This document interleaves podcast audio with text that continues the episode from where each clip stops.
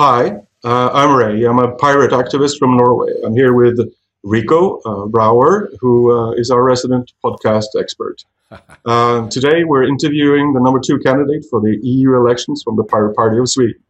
She is, I think, the vice president uh, of one of the oldest parties, or, well, it's the oldest party, isn't it? Um, yes. Happy May Day, Katarina. Uh, just tell me uh, a little bit about yourself, your name, profession, and maybe describe your political background. Sure. Hi, nice to be here. My name is Katarina Stensson. I'm the, uh, like you said, the vice president of the Swedish Pirate Party and uh, the number two on our list for the, these EU elections coming up.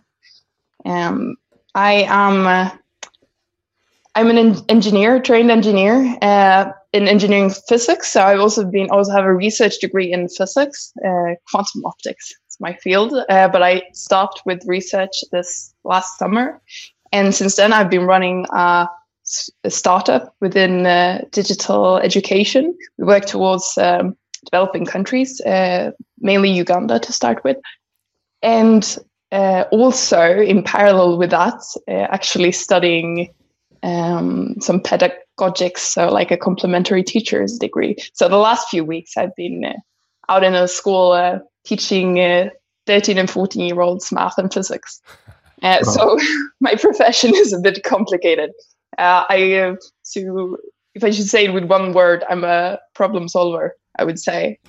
Um, my history in, in, politics is actually not very long. I've been uh, the vice president for for the Pirate Party for one and a half years soon. And before that, uh, only been active in the party for one or two years. Um, but I'm uh, getting getting a hold of it. I'm getting used to it now. Um, it's um, my background is is mainly I've been involved in a lot of civil society organizations as well. Uh, so I, I, come from that uh, that background in my political interest. Although my political interest has been there before, but my uh, uh, being active in politics is uh, fairly new to me. Cool. Uh, quite well educated, uh, one could say then. Mm-hmm. I hope your exams went well. Um, what would you say are the causes, political or otherwise, that are closer to your heart or define you? What what makes your blood boil or or your heart get warm? Uh, several things, but maybe as you could could see from my last answer was that um, specifically education is very close to my heart and uh, freedom of, of knowledge and which is very closely connected to uh, the pirate party's uh, foundation. Um, but also uh, care a lot about uh, and get excited about innovation and uh, entrepreneurship and also science, of course, uh, physics is really. Um, I'm a real nerd, honestly. Uh, I yeah love especially modern modern physics. Gets my my mind moving yeah, quantum electronics was it? Uh, pretty exciting. Yeah, um, it is. So, um, where where do we go from here? Um, uh, have you been campaigning a lot, like traveling around the country and stuff? Uh, if you have, have you had fun, or is it grueling?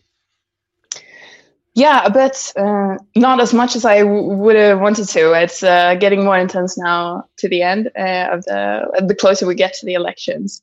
But yeah, we had our um, you say um, this Saturday we had a uh, meeting here in uh, Stockholm, like starting up the the, the campaigning uh, here with the, the local pirates.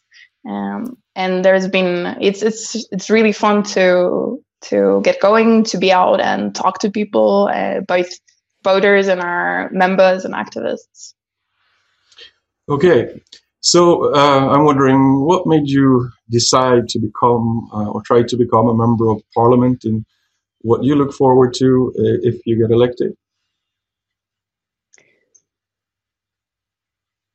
I think there's a there's a big change happening in society, and it's been happening now for a couple of decades uh, with the internet, which is which is in fact um, information revolution, like the printing press, you know, uh, and uh, that it creates a lot of opportunities in society for a more to create a more democratic society where power is better divided. And uh, um, I think um, that there is also uh, although the opportunity is there for all these positive changes and better participation in politics for example. There's also um, the possibility for uh, those who have economic and political power to use uh, the internet for for strengthening their control. Uh, and I think it's really important that we have politicians both in national uh, parliaments and in the EU who um, protect uh, citizens' rights and consumer rights in the market as well, because this is not just uh, governments, also big uh, economic players, um, to actually so that we can actually use these positive opportunities that the internet brings and not um, uh, what do you say divert into a uh, the dystopia that can also be. So um, that's what I want to do in the in the EU is to defend citizens' rights and uh, consumer rights. Okay, digital rights, uh, yeah, quite important, and uh, as uh, the internet has become uh, closer and closer integrated with us, uh, the way we're fused to smartphones, for instance, or fused to the internet, actually, um, it is uh, uh, almost like human rights we are we are uh, touching upon. So um, I hope we have a lot of pirates in, in the EU this election. Um, yeah, me too. Yeah, when you look at uh, the EU now, uh, what do you see are the, its main the main issues it's facing uh, right now? Um, it would be natural, of course, to to think about Brexit, but um, what are the main issues for the EU right now, and how would you address those uh, if you've uh, gotten that far yet? I think that um, Brexit and other, um, to say, other uh, negative uh, views on the EU uh, originate in the fact that we don't feel that we can really affect what's happening and and uh, I think it's really important to work with uh, anti corruption and transparency in the EU and also with the EU member states to try to strengthen the democracy in the whole of the EU and build trust in, in our institutions.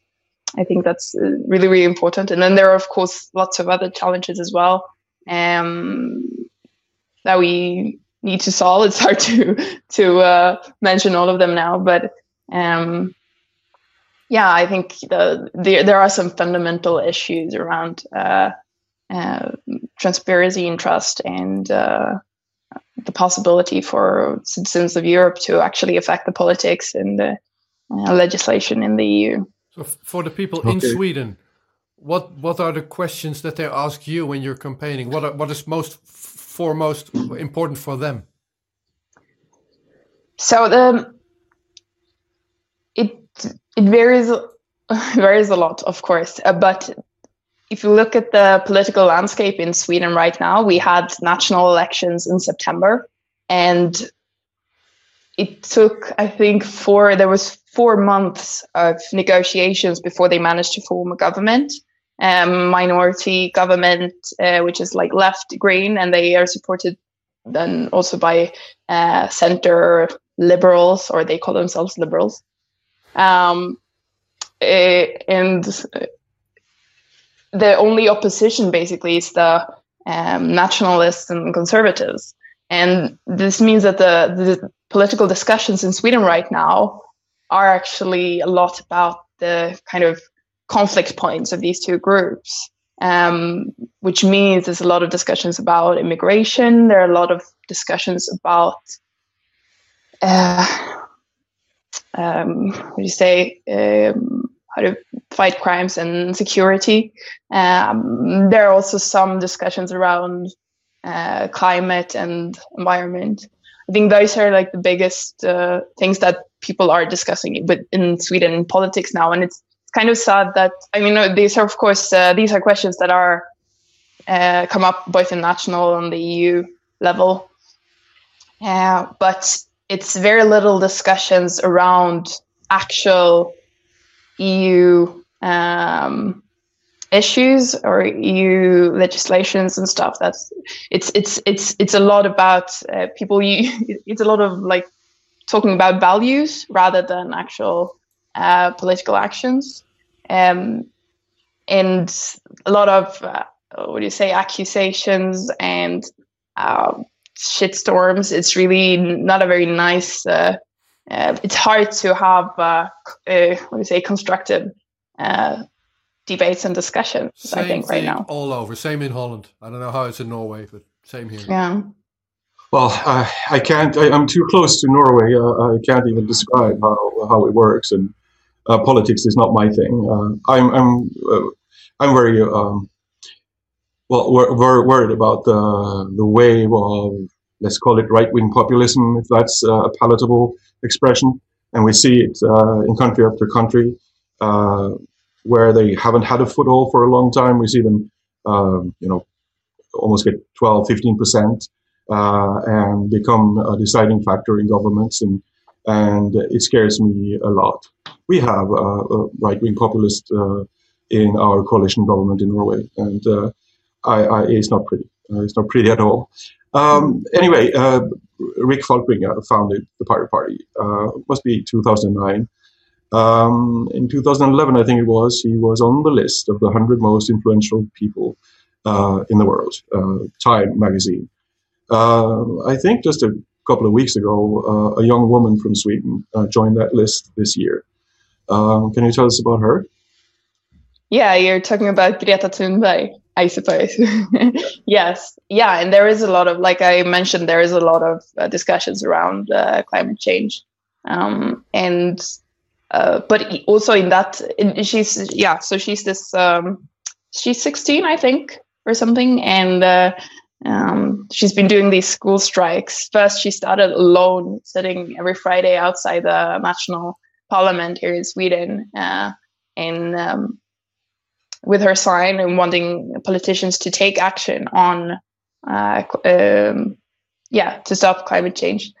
And uh, it's really grown and she has a really she got an amazing support from the the whole world, and it's super cool to see how uh, young people really get involved in uh, issues that are really important for our future.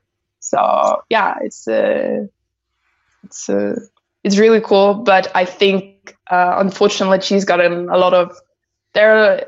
Also in this area, there's a lot of, of people who are just saying stupid stuff like, "Oh, shouldn't she be in school?" or um, she doesn't know what she's talking about or whatever. Um, and I think it's really sad because it's a, it's a amazing to see young people uh, really getting involved in, in these important issues. And on that note, uh, we're going to end it because that's perfect. Uh, it's not my generation nor yours who's going to fix this world. Uh, it needs fixing. It's the young ones. Uh, I would like to thank you very much for making this very easy for me. Uh, and uh, good luck with the elections. Thank you. Bye bye.